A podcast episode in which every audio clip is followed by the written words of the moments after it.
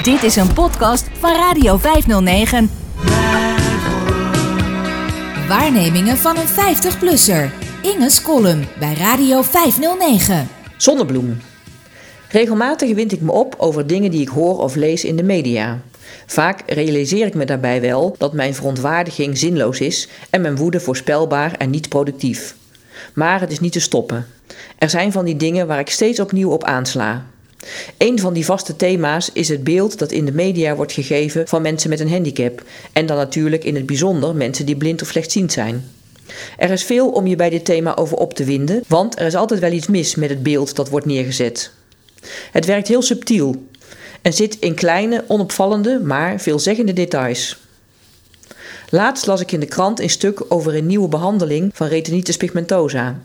Waar het precies om ging, weet ik niet. Om eerlijk te zijn, interesseren echte of vermeende doorbraken in de behandeling van oogziekte me niet zo. Wat me wel opvalt, is de vanzelfsprekendheid waarmee de schrijver van zo'n stuk stelt dat iemand die genezen wordt van RP zelfstandig kan blijven leven. Alsof dat met RP niet zou kunnen, denk ik direct woedend. Zo zie je maar weer hoe mensen tegen ons soort aankijken.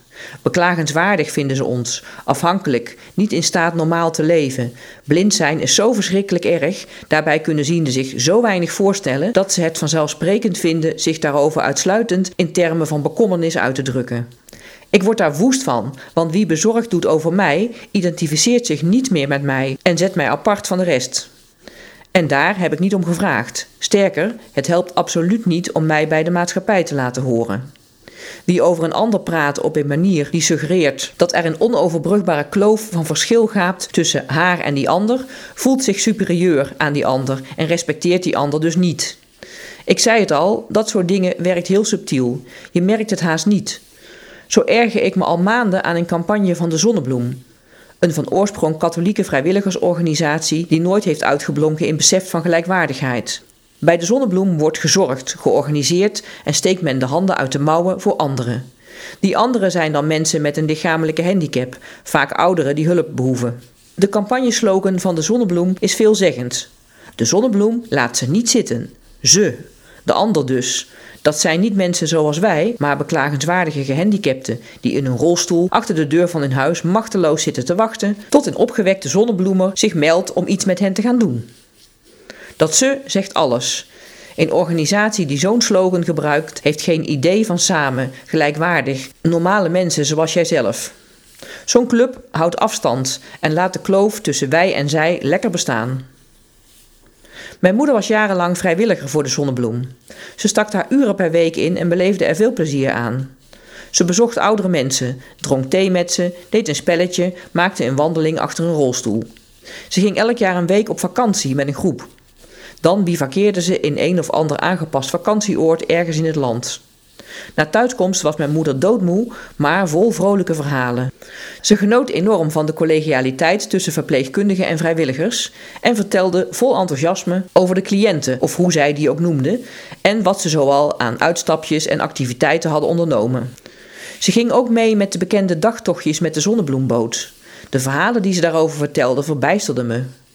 De hele dag waren de vrijwilligers in de veer met het aanslepen van kopjes koffie, drankjes, hapjes, koppen soep, nog meer hapjes en drankjes. Het hele uitje bestond uit het inladen van mensen, hen vervolgens volstoppen met eten en drinken terwijl de boot een rivier afzakte en aan het eind van de dag het weer uitladen van het hele zootje. Ik vroeg mijn moeder een keer of ze later, als ze oud zou zijn, zelf mee zou gaan met die georganiseerde reisjes.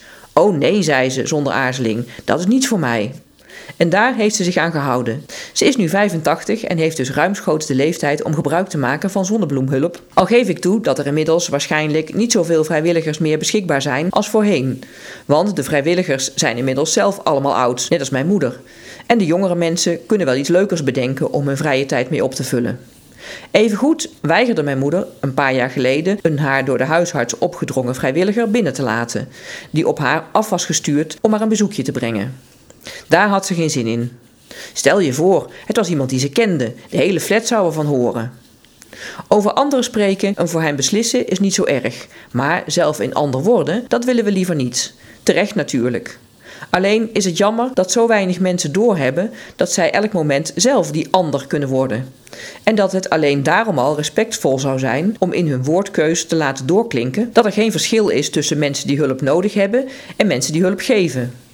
Je hoeft maar even pech te hebben en je zit aan de overkant van de kloof. Verander om te beginnen die slogan eens in: De zonnebloem laat je niet zitten.